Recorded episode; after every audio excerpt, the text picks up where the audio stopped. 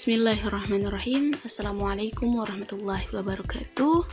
Alhamdulillahirrabbilalamin. Segala puji bagi Allah Yang telah memberikan kita nikmat. Nikmat sehat, nikmat Islam Nikmat menikmati segala uh, nikmat di rumah aja Di kala pandemi seperti ini. Salawat serta salam marilah kita sanjungkan kepada Nabi Muhammad Sallallahu alaihi wasallam.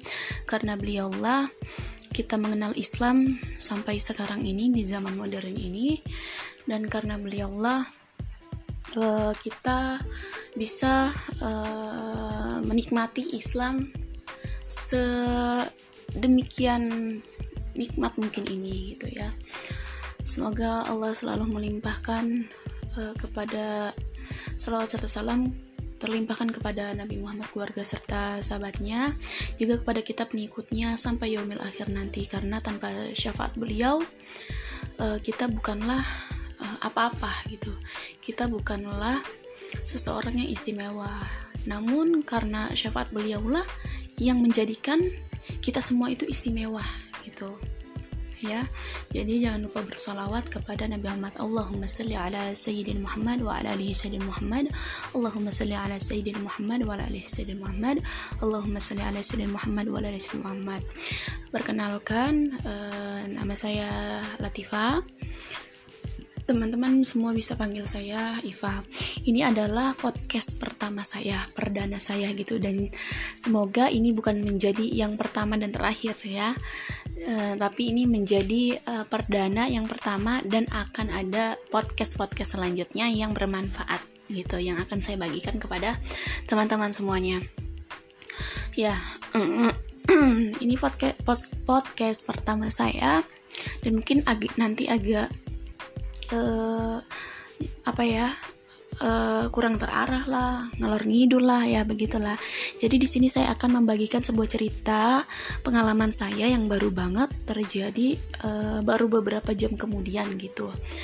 Nah, jadi saya bisa mengambil pelajaran di sini gitu ya. Jadi teman-teman uh, apa pun yang teman-teman alami selama teman-teman hidup, jadikanlah itu pelajaran gitulah. Jadi uh, dan gunakanlah akal kita yang diberikan Allah itu untuk berpikir gitu. Karena uh, para sahabat para sahabat Nabi yang sudah Allah jamin masuk surga itu menggunakan akal pikirannya untuk dia memang ingin masuk surga gitu. Jadi memang Allah menurunkan Al-Quran Allah menurunkan uh, wahyu kepada Nabi Muhammad dari Nabi Muhammad kepada umatnya. Allah menurunkan sesuatu Allah mengizinkan sesuatu terjadi itu hanya bisa diambil hikmahnya untuk orang-orang yang berpikir gitu. Nah, maka kita berdoa uh, kepada Allah semoga kita termasuk orang-orang yang berpikir dan menyandingkan uh, hasil pemikiran itu kepada Islam gitu. Kita serahkan lagi kepada Allah. Dan jadi gini teman-teman. Uh, baru eh barusan beberapa jam yang lalu saya itu uh, mengantar saudara saya cek kandungan gitu. Nah, ternyata pas dicek tensi darah, beliau uh, terkena tekanan darah. Nah, dari tekanan darah itu saya bisa lihat bahwa tekanan darah ini bisa uh, muncul ketika seseorang memiliki ketegangan terhadap sesuatu. Contohnya, nah saudara saya itu contohnya uh, beliau itu adalah seseorang yang memang jarang uh, berkomunikasi artinya beliau itu sebenarnya termasuk orang yang introvert gitu introvert introvert ah gitu ya. Jadi dia itu termasuk orang yang uh, pendiam jarang berkomunikasi dan memang ada latar belakang latar belakang lain yang uh, itu bisa mempengaruhi dia mengalami ketegangan ketika menghadapi seseorang gitu. Katakanlah tadi bidan atau dokter kandungan gitu. Nah jadi yang saya lihat adalah beliau uh, satu jarang berkomunikasi, kedua memang pendidikannya uh, ya biasa ya, karena di kampung lulus SD aja udah udah alhamdulillah gitu. Terus uh, ya memang uh, apa namanya komunikasi lah yang kurang sebenarnya. Jadi pas dicek tekanan darahnya itu menurut eh tekanan darahnya itu tinggi sekitar di atas 150 katakanlah 150 Nah tiba-tiba pas di USG eh, dokter kandungannya bilang, loh ibu kenapa uh, darah tinggi kok hamil? Gitu. Darah tinggi kok hamil. Ya perhatikan ya teman-teman uh, uh, simak ya teman-teman. Simak sejenak. Uh, dari uh, apa namanya dari kalimat yang dokter katakan itu tadi uh, ibu kok darah tinggi hamil? Gitu. Nah teman-teman. Jadi pesan saya untuk teman-teman uh, untuk saya diri sendiri diri saya sendiri khususnya bahwa dari kejadian itu menunjukkan bahwa uh, bagi teman-teman, bagi saya sendiri, bagi orang lain yang mendengarkan podcast ini, ketika kita uh, memiliki pekerjaan yang berhubungan dengan orang lain, ya, ketika kita memiliki pekerjaan yang di dalamnya itu mengurusi orang lain gitu ya. Contoh bidan lah guru lah dokter lah polisi segala semua pekerjaan yang memang uh, apa namanya yang memang uh, apa namanya memiliki lawan bicara gitu yang mengharuskan kita memang menggunakan komunikasi. Maka usahakan usahakan kita melihat lawan bicara kita. Kita membaca memaknai memakna memaknai uh, apa namanya psikologi uh, bahasa lawan bicara kita. Ketika lawan bicara kita uh, memang orang yang nyambung orang yang dia aktif ketika ditanya langsung jawab nggak perlu mikir dan sebagainya gitu ya. Nah maka silakan saja. Tetapi ketika kondisinya karena kondisi uh, orang itu berbeda-beda, latar belakangnya berbeda-beda, maka kita harus uh, pahami dulu gitu loh. Kita harus lihat dari psikolinguistiknya gitu loh. Psikologi kebahasaannya, kita tidak mungkin harus menganalisis dulu bahwa orang ini latar belakangnya ini orang ini latar belakangnya ini pendidikannya ini ekonominya ini dan sebagainya. Karena kelamaan juga gitu kan. Tapi kita bisa melihat dari uh, psikologi seseorang tersebut melalui bahasanya gitu loh. Jadi jangan uh, menjustifikasi seseorang ketika seseorang itu uh, sudah terjadi gitu kejadiannya. Misalnya tadi ya kok darah tinggi kok hamil? Ya mau diapain lagi gitu loh. Ya hamil kan bukan kehendak dia juga gitu kan? Itu kehendak Allah gitu. Nah darah tinggi juga dia juga tidak mau sebenarnya kan punya uh, penyakit darah tinggi gitu. Jadi mohon dipikir-pikir dulu gitu loh. Ketika kita me, apa punya lawan bicara yang memang tidak se tidak sama dengan kita misalnya pendidikannya dan sebagainya disiplin ilmunya dan sebagainya gitu loh. Jangan langsung menjustifikasi bahwa seperti salah. Misalnya kalau tadi kondisinya adalah uh, kondisinya adalah uh, misalnya darah tinggi dan sebagainya tidak mungkin juga kita langsung oh ya udah nggak jadi hamil. Kan nggak mungkin tuh si ibu bilang oh ya ya udah saya nggak jadi hamil karena darah tinggi. Tidak mungkin gitu loh sebaiknya apa? Dikasih pengertian dikasih edukasi gitu loh. Dikasih edukasi ketika nanti memang hamil lagi sudah lahir nih nanti ketika hamil lagi dia bisa uh, bisa uh, mencegah itu loh gitu. Bisa menaruh angka me, apa jangka waktu kehamilan. Nah gitu. Jadi jangan memberi jangan uh, langsung menjustifikasi bahwa oh itu tuh salah. Nah tidak. Justru itu akan membuat psikologi seseorang lawan bicara kita tersebut akan menjadi shock atau menjadi down gitu. Karena lawan bicara kita itu kan berbeda-beda ya. Lawan bicara kita berbeda-beda, terus kita juga tidak bisa menganalisis secara langsung bahwa orang itu begini begitu, begini begitu tidak. Jadi uh, perhatikanlah lawan bicara kita agar uh, tidak menjadi bumerang juga untuk mereka. Apalagi orang hamil itu kan gampang stres dan sebagainya.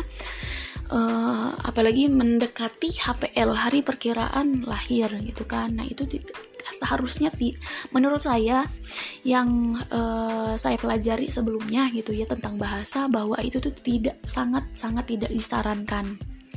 Karena itu termasuk kata uh, kalimat yang menjustifikasi seseorang atau malah menjudges gitu loh. Uh, langsung menyal menyalahkan seseorang.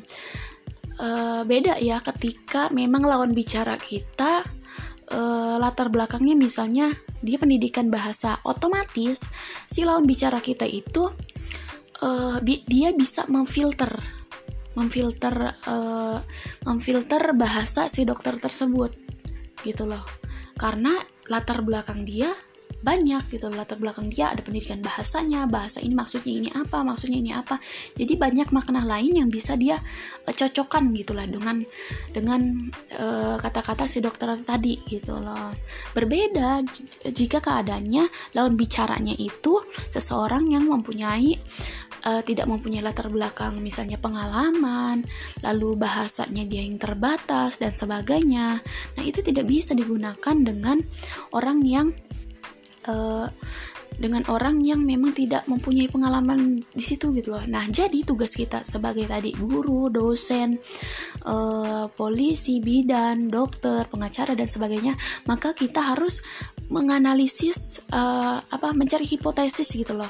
Jawaban sementara apakah lawan bicara kita ini uh, bagaimana gitu loh psikolinguistiknya, ke kejiwaan uh, yang bisa dibaca dalam bahasanya gitu loh dalam bahasa bahasa yang digunakan dia pada saat itu gitu. Jadi tidak menjustifikasi seseorang. Makanya uh, ada uh, gunakanlah bahasa Indonesia yang baik dan benar. Nah bahasa Indonesia yang baik dan benar itu maksudnya adalah ketika kita menggunakan bahasa Indonesia yang baik maka uh, pada saat itu, bahasa Indonesia yang baik adalah bahasa yang kita gunakan disesuaikan dengan lawan bicara kita.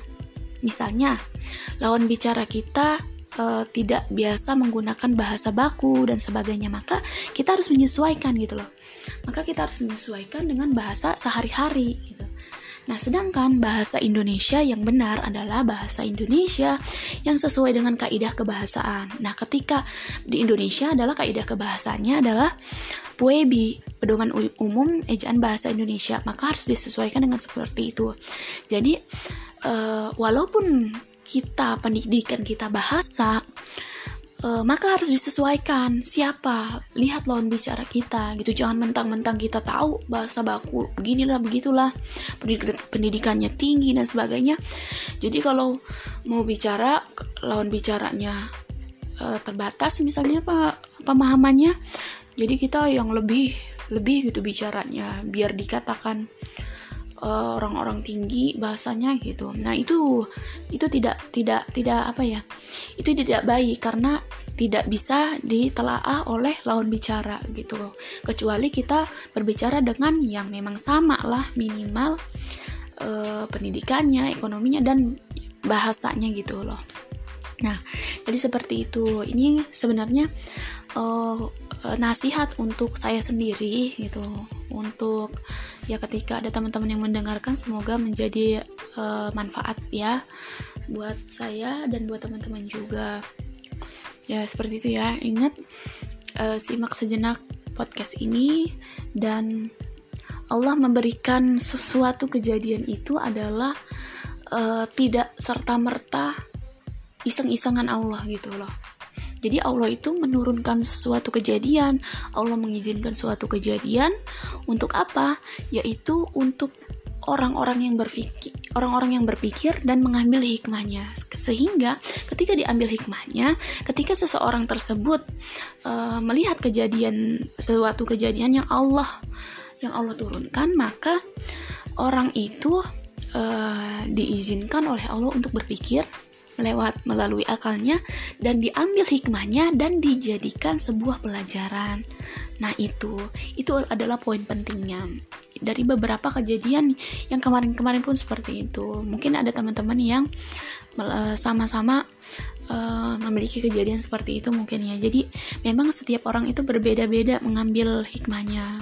Tetapi memang Allah memberikan akal kepada kita itu yaitu tadi untuk berpikir gitu. Nah, berpikir itu maka harus kita jadikan sebagai jalan gitu lah, sebagai media kita menuju surganya Allah gitu. Begitu juga kan dengan para sahabat, mereka melakukan perjalanan uh, berpikirnya untuk menuju kepada surganya Allah. Semoga kita juga demikian. Semoga bermanfaat dan terima kasih sudah menyimak sejenak podcast saya ini, uh, menyimak cuap-cuap saya ini. Semoga bermanfaat. Eh, Jazakallahu Jadakallah khairan kasir. Barakallahu fiq. Wassalamualaikum warahmatullahi wabarakatuh.